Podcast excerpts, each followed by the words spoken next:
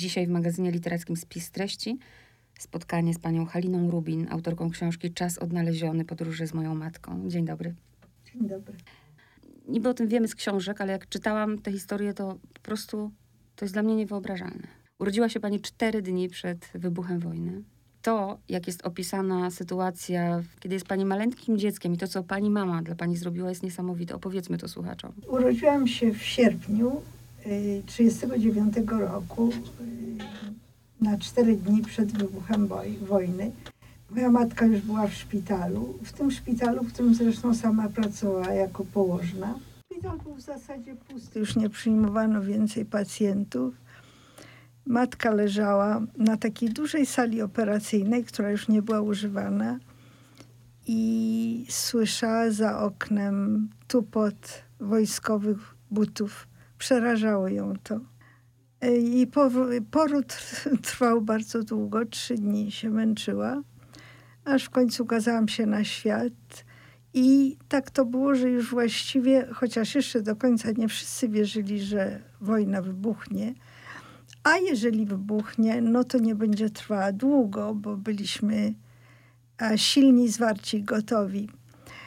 Mój ojciec już czynnie był zajęty obroną Warszawy, kopaniem rowów, także rodzice nie mieli szczęścia, żeby jakoś tak uczcić ten specjalny dzień. Ojciec wpadł już po moim narodzeniu, znaczy wpadł znowu z wizytą i okazało się, że ja już się urodziłam. Rozpłakał się, nie był człowiekiem płaczliwym, był człowiekiem czynu, ale rozpłakał się i dlatego, że wzruszyło go urodzenie pierwszego dziecka, ale również dlatego, że wiedział, że wojna wybuchnie. No więc właściwie mama została znów sama w tym szpitalu, nie pamiętała już potem, kto przynosił jej kwiaty i kto ją odwiedził. No po czterech dniach zaczęły padać bomby. Szpital, żeby było ciekawiej, w pewnym momencie zaczął się palić od, od jakiejś bomby zapalającej i wszystkie te kobiety, które tam były, albo miały rodzić, albo miały już, już nie, swoje niemowlęta, zaczęły uciekać. Mama też nie wiem, już może była zaradna, więc może już miała spakowane wszystkie rzeczy i latarkę zaciemnioną. Wybiegła w tą noc i było ciemno, były tylko łuny pożarów i ktoś ją skierował do schronu na Twardej. Schron był straszny, był, to znaczy to nie był schron, to była piwnica, schronów nie było.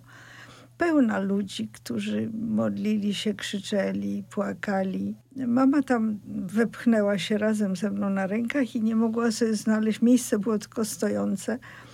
I mama y, postanowiła jednak poszukać innego lokum, więc zostawiła mnie z kimś. Potem ja żartowałam, że ona mnie zostawiła w tej sytuacji z obcymi, ale ona w momencie tych wspomnień nie, to jej nie rozbawiło jej to wspomnienie. Znalazła w końcu jakieś lokum u ludzi, u których miała zamiar tylko przeczekać kilka godzin, a w końcu na skutek właśnie nieustających nalotów była trzy dni. No i potem przez te, potem z kolei y, też w nocy ze mną na rękach i z jakimś tobołkiem, nie wiem czy miała plecaczek czy walizeczkę z latarką zaciemnioną znów, y, szła ulicami, które były już bardzo zmienione, bo były leje po bombach i jakieś konie, które zginęły. Domy były wypatroszone niektóre z tego, co, co było do, do tej pory mm, częścią życia mieszkańców. I w końcu dotarła, ale wydawało jej się, to był dla, mnie, dla niej ta droga w końcu krótka z, z żelaznej na nalewki była, a może to już były nowolipki, bo dziadkowie się przeprowadzali, była dla niej niezwykle długa. Jej się wydawało, że ona nigdy, nigdy nie, to, nie dotrze do celu. No a potem przez cały miesiąc oczywiście trwało oblężenie Warszawy i działy się, jak wiadomo, rzeczy straszne. Tak mówimy zawsze po prostu, że zawdzięczamy życie mamie, bo mama nas, prawda, urodziła, a pani dosłownie zawdzięcza życie mamie. Okoliczności po prostu pani narodzin są niesamowite. Teraz się przeniesiemy już do roku 2015. Czy, czy wcześniej, to jest pani pierwsza rzecz, którą pani napisała. Kiedy pojawił się pomysł, żeby to spisać? I w, kilka lat po śmierci mojej mamy. Znaczy ta historia naszej wspólnej podróży przez życie rozpoczęła się, przepraszam, to brzmi może tak górnolotnie, ale po prostu podążam za tytułem tej książki. Znaczy. Um, Czas odnaleziony. Czas odnaleziony, podróże z moją matką. Rozpoczął się w momencie moich narodzin w 1939 roku i trwał do końca życia mojej matki, a w pewnym sensie nadal trwa. Ta historia naszych wspólnych przeżyć, tych najbardziej dramatycznych, zawsze we mnie tkwiła. Opowiadałam ją wielu ludziom. I w końcu już ktoś powiedział, wiesz co, najlepiej, żebyś na ten temat coś napisała, żebyś to opisała. No i rzeczywiście, a ja jednocześnie doszłam do wniosku, że jeżeli ja tego nie zrobię, to w mojej rodzinie nikt tego, a szczególnie poza rodziną, nikt tego nie będzie w stanie napisać.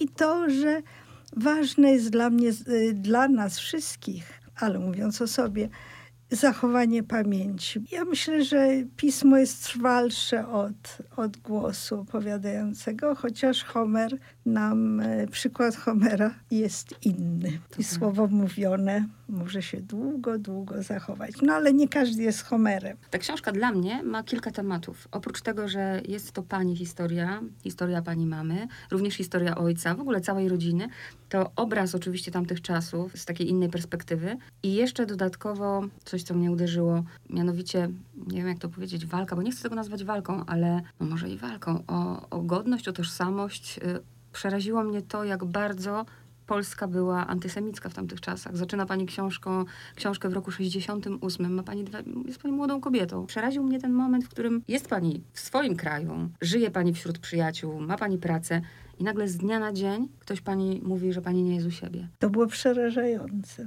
To było przerażające, ale też wzbudziło we mnie, we mnie pewien wstręt, że, bo to było obrzydliwe jednocześnie. To zróżnicowanie pomiędzy nami a innymi. To, że ja byłam zepchnięta do sytuacji innych. I to nas nasuwało bardzo niedobre skojarzenia. Tylko jak to zrozumieć? Niech mi pani pomoże to zrozumieć, że 28 lat jest dobrze, i właściwie zmienia się to wszystko w jednej chwili. Co z ludzi wychodzi? No właśnie, Goebbels powtarzał, że no, no przykro mi, że daje taki, taki przykład, ale to się sprawdza niestety, że jeżeli powtarzamy coś kilkakrotnie, to w końcu coś, coś zostaje. No, w Polsce w gruncie rzeczy był podatny grunt antysemityzmu. I to w pewnym sensie było to nagłe, a w pewnym sensie ja myślę, że sprawa, no teraz wiemy z całą pewnością, że sprawa układów polsko-żydowskich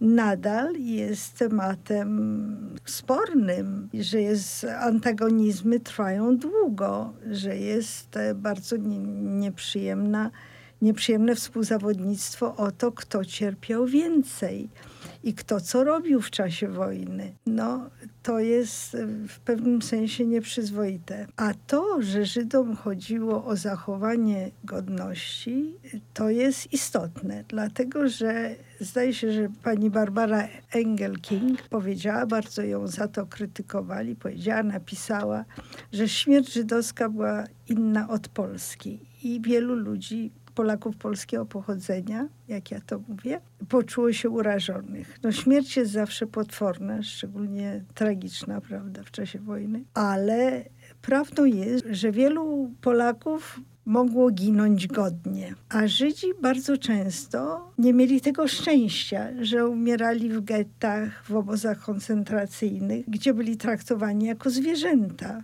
robiło się na nich eksperymenty. Zgładzało się całe, całe rodziny. Z mojej rodziny właściwie z obu dwóch rodzin zostali tylko ci, którzy uciekli na wschód. Żyjemy tylko dlatego, że przeżyliśmy tylko dlatego, że uciekliśmy na wschód.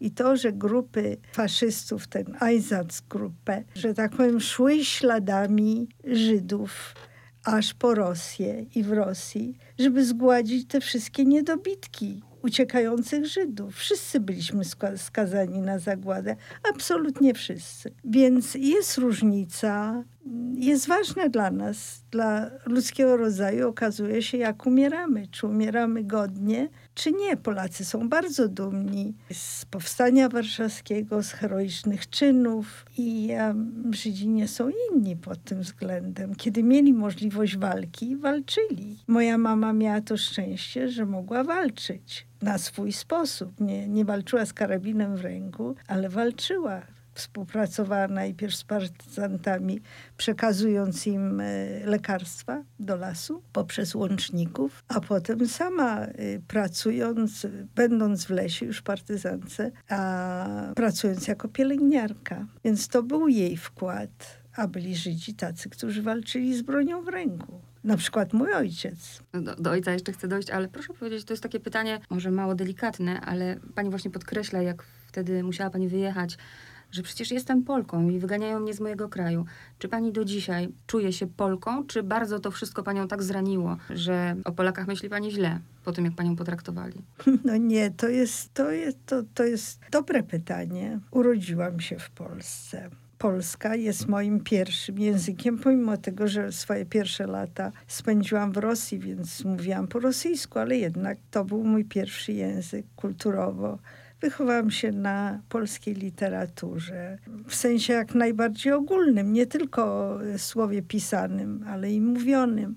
Więc e, mam e, przyjaciół, którzy, że tak powiem, wychowując się w Polsce, miałam takie szczęście, że nikt z nas nie nie badał pod lupą, kto, jest, kto ma jakie pochodzenie. Także miałam to szczęście, że żyłam wśród wspaniałych ludzi, mieszkając w Polsce. Odrzucili mnie inni, którzy dokładnie chcieli e, rozróżniać, kto ma jakie geny i którzy właściwie znajdowali natchnienie w, w ustawach norymberskich. Uderzyło mnie też w tej książce to, jak już była pani w Melbourne, bo do tego zaraz dojdziemy do wyjazdu, ale już tam, to była apteka, tak? Gdzie pani, gdzie panią zapytano, czy pani jest... A ja o, o tym pisałam? Bo ja nie, w jednym wywiadzie tu A w jednym wywiadzie, tak. Że właśnie, że pani powiedziała, czy pani jest Żydówką, a pani powiedziała, że nie.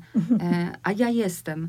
I zastanawiałam się wtedy na to odpowiedź. Czy to, że pani powiedziała nie, było podszyte tym lękiem, że jak się przyznam, to ojej, znowu coś mi grozi? Nie grozi, ale bycie Żydem w Polsce jest takim garbem, jest takim przekleństwem. Nie, tak nie powinno być, ale jak, jakby pomniejsza trochę człowieka. Przecież Żyd jest nazwą pogardliwą. Trudno w Polsce powiedzieć bez, bez wahania, bez wstydu ja, ja zdaję sobie sprawę, że to jest absolutna patologia, którą powinnam odrzucać. To, że ja się tak zachowałam w końcu, mówiłam o tym przedtem, że poczułam się ta, taka ciupeńka, taka naprawdę się po, zawstydziłam bardzo tej swojej odpowiedzi.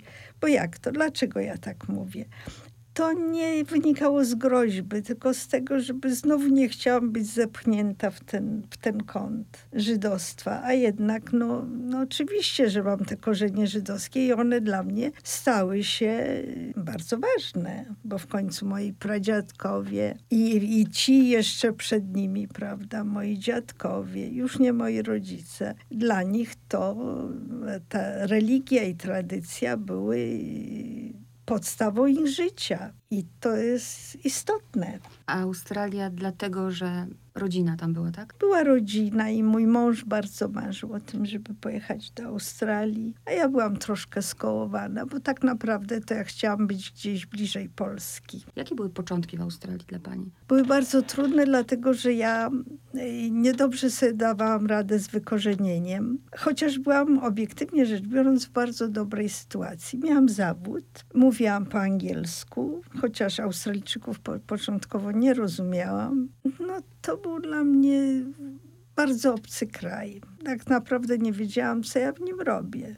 Dlaczego ja się tu znajduję, tak daleko od wszystkiego, co mi jest znane i bliskie. Początkowo zafascynowała mnie wyłącznie niezwykła przyroda Australii, rozmach tej przyrody, ale w końcu po kilku latach odbudowałam sobie, bo to nie wystarczy ludzi znać. Ja myślę, że każdy w tej sytuacji szukałby ludzi, którzy są do jakiegoś stopnia ekwiwalentem tego, co się utraciło. Więc środowisko inteligenckie, zainteresowane w literaturze, muzyce, teatrze, to wszystko chciałam odzyskać odzyskać. No i ciepło przyjaźni, ale to trwa. W moim przypadku to dosyć długo trwało, nim znalazłam wspólny język z ludźmi. No a potem urodziła się moja córka i to jakby Australijka, która mm, przywróciła mnie do rzeczywistości. A ja poza tym sobie powiedziałam, mieszkam, mieszkam teraz już w Australii, więc będę obywatelką australijską i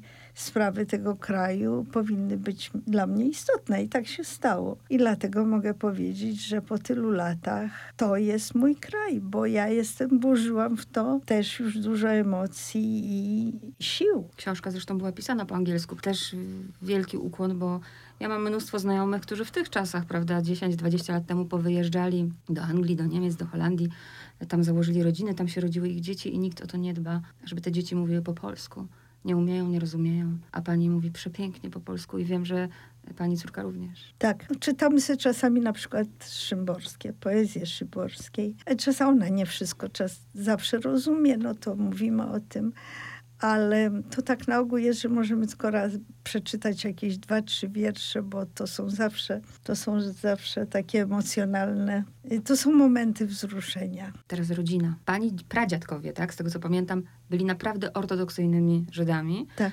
E, dziadkowie troszkę mniej, ale rodziców to miała pani jak na tamte czasy, bo przecież mama urodzona w 1911, tak? Tak. To bardzo nowocześni. Bardzo, bardzo. Ale już moi dziadkowie, przynajmniej ze strony, nie, może nawet, nie wiem, może nie dość wiem, ale rodzice mojej matki byli na tyle światli, że posłali ją do szkoły, gdzie nauczano po polsku, także była obeznana z literaturą polską. To była bardzo światła szkoła, gdzie e, kładło się nacisk na to, żeby młode panienki były wszechstronnie rozwinięte, nie tylko w dziedzinie, na pewno nie, nie w dziedzinie szycia i grania na pianinie, tylko e, znajomości języka i nauki i nauk ścisłych. I to, że bardzo mi to zaimponowało, że nau nauczanie w tej szkole, to była żydowska szkoła, że istotną częścią wychowania tych młodych kobiet było wychowanie obywatelskie.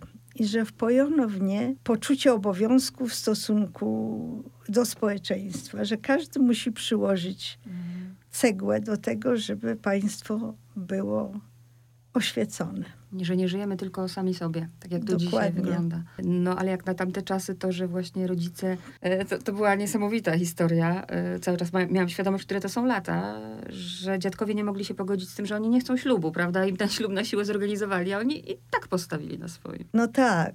Pod koniec życia moja mama bardzo żałowała swojego uporu, ale pod, ona potem widziała rzeczy w innym świetle, prawda? Już, już rodzina i zginęła, nikogo nie było, więc więc to też się widzi. I mhm. może by to inaczej wyglądało, gdyby zmarli, gdyby długo żyli i zmarli śmiercią naturalną. To może tych wyrzutów mm, sumienia by nie miała, no ale było jak, jak było. I mama miała straszne wyrzuty sumienia z powodu swojego uporu. A można sobie wyobrazić, jak bardzo dziadkowie cierpieli, dlatego że teraz, jeżeli powiedzmy, pomyślimy sobie o rodzinach e, katolickich, gdzie sprawa braku czy to bierzmowania, czy to pierwszej komunii, czy ślubu kościelnego, byłaby dla wielu rodzin bardzo bolesna. Tak było w tym, w naszej rodzinie, więc dziadkowie czuli się bardzo obrażeni, urażeni, wstydzili się. Właśnie, wstydzili, wstydzili się za zachowanie swoje. Bardziej przed ludźmi się wstydzili, tak, przed tak. tym, co inni powiedzą. Tak. To do dzisiaj tak jest nawet Oczywiście, co ludzie powiedzą. Pani tata, bo też chociaż chwilę o ojcu, ponieważ zaimponował mi jako młody człowiek, po kłótni w sumie, bo można tak powiedzieć, z ojcem, wyrusza na drugi koniec świata. No nie miał jeszcze 16 lat. To był właśnie mój tatuś. Ale ja myślę, że to była pewnie też złożone, że oczywiście on był y, skłócony ze swoim ojcem, czyli moim dziadkiem, a jednocześnie był bardzo żywym chłopcem, więc tak wyobrażam, że coś mógł wiedzieć o Palestynie, zresztą Zresztą, skoro on zorganizował strajk w domu swojego, już teraz nie pamiętam, ojca czy dziadka, Tak, żądając dla nich wyższych płac, no to jest człowiek, który coś wiedział o, na temat sprawiedliwości społecznej. I na pewno był w pełni świadom antysemityzmu, bo tego się nie dało uniknąć.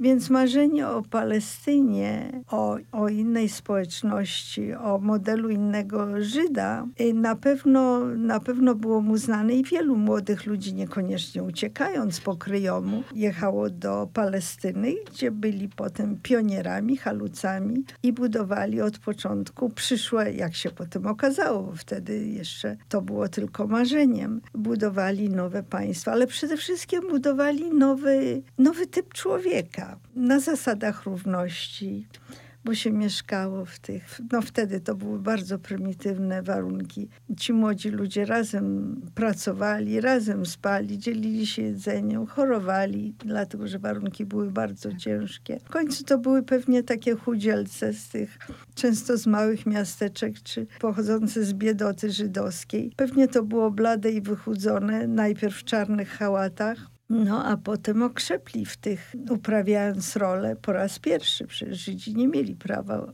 do uprawy ziemi. Więc to kształtowało ich ten y, ich charakter. Ale jednocześnie tęsknota była na tyle silna, że wrócił. No wrócił, ale to było pewnie połączenie, tęsknota może była tylko jakimś elementem, bo wielu z nich nie wracało raczej ściągali rodziny. Ojciec reagował źle na, na pogardę Żydów e, w stosunku do Arabów. I dla niego to była odwrócona sytuacja i dlatego on się potem, dlatego on odszedł od sionizmu i zwrócił się w stronę komunizmu. Uważał, uznał, że tylko zasady równości powinny mieć miejsce w nowym społeczeństwie. I no i właśnie brak rasizmu, o to mu chodziło. Czy to był rasizm, czy to był antysemityzm, czy to był, czy było to odczucie pogardy w stosunku do Arabów, których uznawano jako ludzi niższych, prymitywnych, to dla niego było to samo.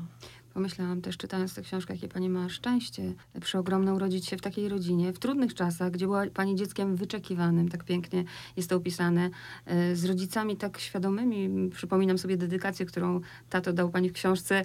E, jak ja ją przeczytałam, to zanim doczytałam to, co pani pomyślała jako młoda dziewczyna, to miałam to samo. Pomyślałam sobie, rany, ile patosu w tym. Powiedzmy właśnie o tej dedykacji też. No właśnie, kiedy miałam 18 albo 19 lat, ojciec podarował mi książkę o Berezie Kartu Tuskiej, napisaną przez jego przyjaciela Michała Mirskiego. No, wokół siebie znam wielu komunistów, rewolucjonistów i to już, kiedy miałam 18-19 lat, to już troszkę zaczęło mi ten patos, to znaczy ja patrzyłam na to jako młoda dziewczyna i już chciałam się od tego odżegnać, bo początkowo bardzo wierzyłam przyszłość, y, światłą przyszłość, a potem za, za, zaczęliśmy zauważać dziury w tym wszystkim i, i nieprawdy, kłamstwa, y, hipokryzję. Także zaczęliśmy to odrzucać. Najpierw bardzo powolutku, a potem coraz intensywniej. Więc kiedy dostałam kolejną książkę, właśnie tą książkę o Berezie Kartuskiej,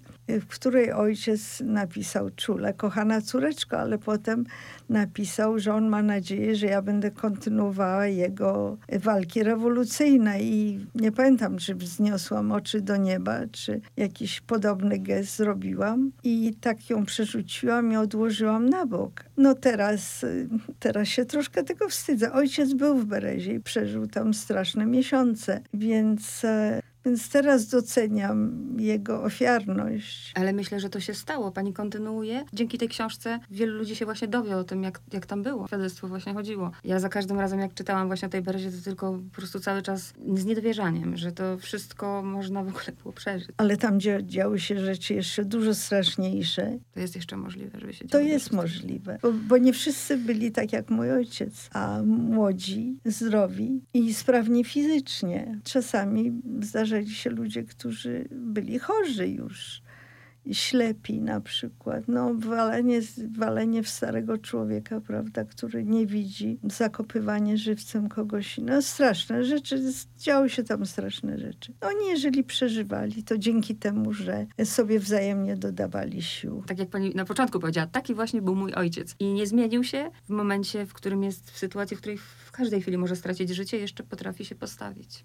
Mm. Daje przykład innym. Tak, tak. A teraz dzieciństwo z dwóch perspektyw. Przecież pani tego nie może pamiętać, tej całej wędrówki, no bo miała pani, nie wiem, dwa latka. Najpierw miałam dwa, a potem miałam cztery. Ale od którego momentu zaczyna się ta, ta pamięć, nie dzięki wspomnieniom, dokumentom, tylko pani pamięć? Moja pamięć zaczyna się od momentu, który został uchwycony na tej fotografii, bo może pani zauważy, że trzymam w ręku kwiatki tak. i moja mama też. Żeśmy zerwały te kwiatki. Mam pamięć zrywania kwiatów, to ale może przy innej. na tym zdjęciu? Słucham? Ile lat ma pani tu na tym zdjęciu? Tu miałam może dwa i pół roku. I naprawdę już, już pani pamięta to? No to był moment. To był moment, e, te, to zrywanie kwiatów mogło, mo, mogło być, e, mogło się powtarzać kilkakrotnie, więc nie wiem, czy to było przed tym, przed tym incydentem. Ale mama tu chciała, żebym ja dała kwiaty komuś Wydaje mi się, że dla, to były kwiaty dla jakiejś kobiety. Może Niemki, nie pamiętam. I ja bardzo nie chciałam tego zrobić, płakałam, czego tutaj nie widać. I to był taki moment, który zapamiętałam. Potem ta pamięć, to znaczy w tym momencie, teraz kiedy mówię, to właściwie mogę powiedzieć, że to jest pamięć pamięci, ale miałam, może też dzięki zdjęciu, to się utrwaliło bo to jest jedno z nielicznych zdjęć, które właściwie miałyśmy przez całą wojnę. Też wiem, że mama niekoniecznie w pewnych sytuacjach chciała mówić, ale który dla niej, a który dla pani już po czytaniu dokumentów był najtrudniejszy? w tej całej wędrówce? Tego ja nie pamiętam.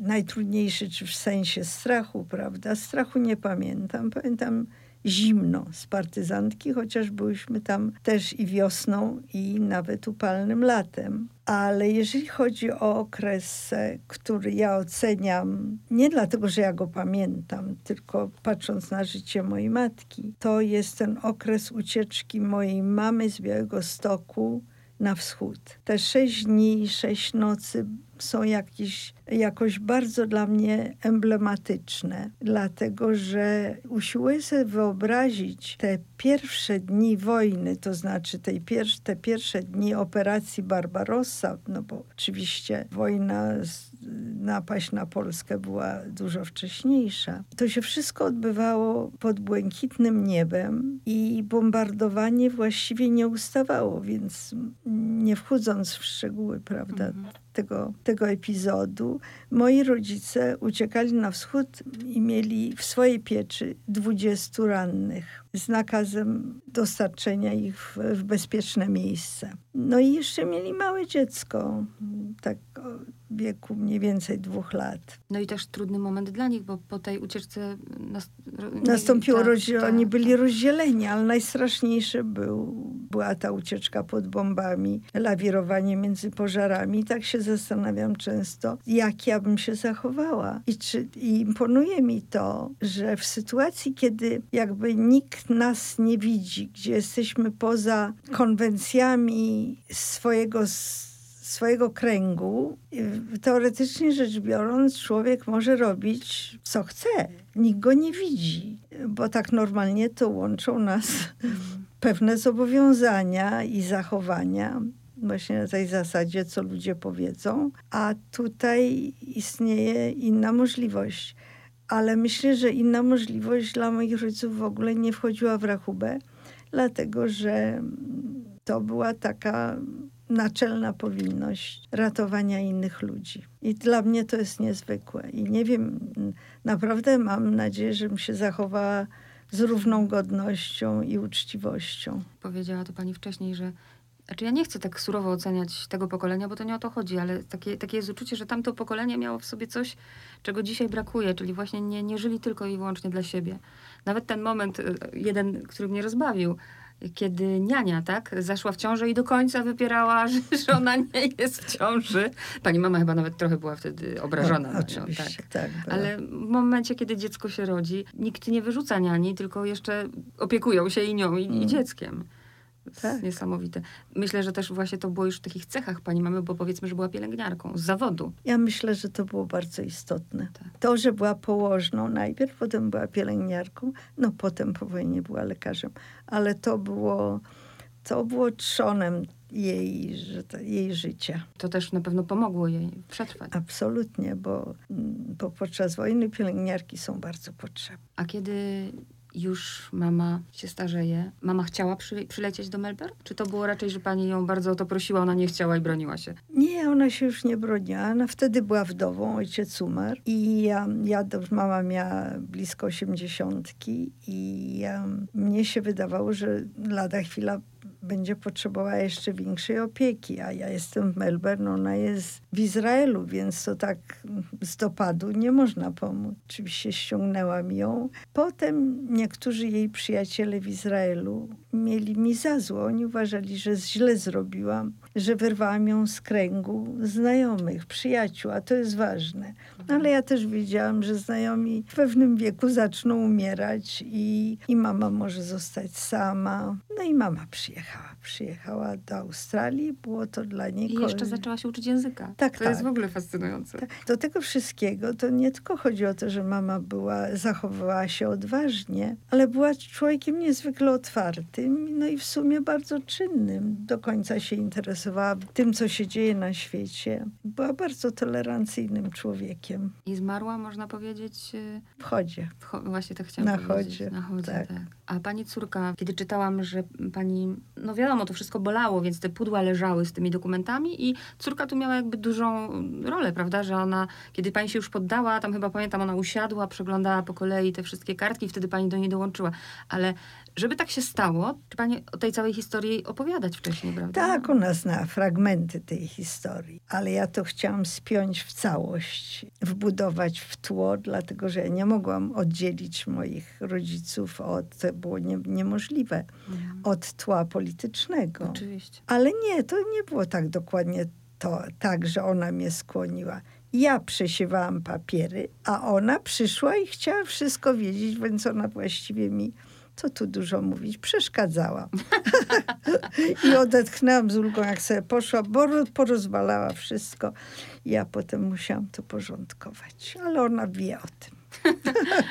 A ile trwała praca nad... Bo tu nie chodzi o to, mm, autorzy jak piszą powieść, praca taka naprawdę już ścisła trwa 2-3 lata, ale tu nie tylko chodzi o opisanie, tu chodzi też o zmierzenie się z tą tragedią. Ile pani czasu na to poświęciła? A co najmniej pięć, bo jeszcze, bo miałam przerwy i może to trwało nawet trochę dłużej, dlatego że musiałam w końcu sama zapoznać się z tym tłem. Musiałam ustawić wszystko jakoś chronologicznie, poszywać tą całą historię, nauczyć się wielu rzeczy, zrozumieć. No i to, to zabrałam się do lektur najrozmaitszych książek, do których przez wiele lat nie miałam odwagi zaglądać, no bo kto, kto trudno się zdobyć na to, żeby wieczorem otworzyć powiedzmy historię białostockiego getta, żeby wiedzieć jak wyglądało życie y, moich ciotek w getcie i mojej kuzynki. To, to wymaga tak naprawdę bardzo dużej siły psychicznej. A książka została wydana poza Polską, w Melbourne Melbourne. Jak została tam przyjęta? Przede wszystkim czytali ją moi przyjaciele i poprzez przyjaciół one, że tak powiem, to czytelnictwo się powiększało. No miałam trochę recenzji i tak dalej, ale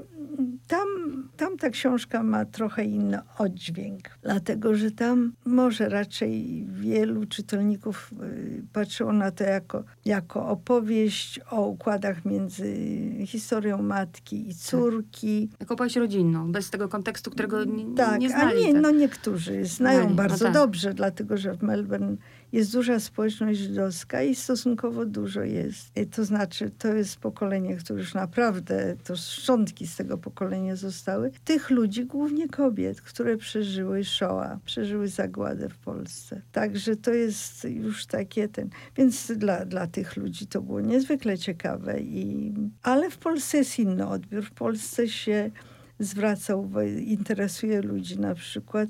Jestem zdziwiona, jak ludzie na przykład w pani wieku nic nie wiedzą o Berezie, czy o, mało wiedzą o latach międzywojennych, Mhm. że są nieświadomi historii układów polsko-żydowskich. Dzisiaj jechałam z uroczą młodą kobietą, taksów, taksówkarzem, która, no jakoś żeśmy się zgadały. I ja mm, powiedziałam, że wyjechałam z Polski ileś tam temu i pytam ją, czy rok 1968 Ósmy. coś pani mówi? A ona mówi, przyznam się, że nie. Ale to powinien mówić nawet z lekcji historii. Nawet jeżeli głęboko nie wiemy czegoś bardzo, to jednak może No. była w stresie. Tak bym nie słyszała ani o tym bardziej o Berezie. Ja się zastanawiam też nad tym, jaką, no bo dopiero książka mm, ma premierę, dopiero jakby recenzje się pojawią, głosy właśnie, czy też się wpisze właśnie w taką szerszą dyskusję, ale czy dzisiaj, pani oczami, w Polsce narasta skala antysemityzmu znowu? No niewątpliwie. Przeraża mnie też islamofobia, homofobia. Przerażają mnie te wszystkie uprzedzenia. Czy to jest tak, że historia musi zatoczyć koło? Bo przecież ludzie powinni wyciągnąć wnioski, nie? Z tego, co się wydarzyło. Powinni, ale takich ludzi jak ta moja bardzo miła pani taksówkarz są nieświadomi historii współczesnej, powiedzmy XX wieku. A jeżeli chodzi o, o sprawę zagłady czy, czy stosunków polsko-żydowskich, to najwyraźniej duża część młodzieży, której podobno się nie widuje na tych wiecach, to znaczy widuje się w niewielkiej ilości. Tak mi mówią, bo e, na wiecach e, protestacji żądających demokracji, e, oddzielenia państwa od kościoła i tak dalej, tych demonstracjach kodu, jakie były i innych, że stosunkowo jest mało młodzieży. Ale ja jednak, będąc tutaj, poznałam mnóstwo fajnej młodzieży. To jest budujące chociaż. Naprawdę. W Lublinie, i tu w Krakowie, że jednak to nie jest takie czarno-białe. Oby, bo też, też mnie to wszystko przeraża. I ostatnie pytanie jest takie, jakie ma Pani marzenia związane z tą książką? Nie mam na myśli promocyjnej sfery, tylko właśnie takiej, czy napisała ją Pani tak dla siebie, dla rodziców, czy bardziej też, żeby coś, nie chcę powiedzieć wykrzyczeć, uświadomić? Nie, nie pisałam tego, żeby wykrzyczeć, uświadomić. I pisałam ją rzeczywiście głównie dla rodziny, dla siebie, żeby mieć tą historię zapisaną.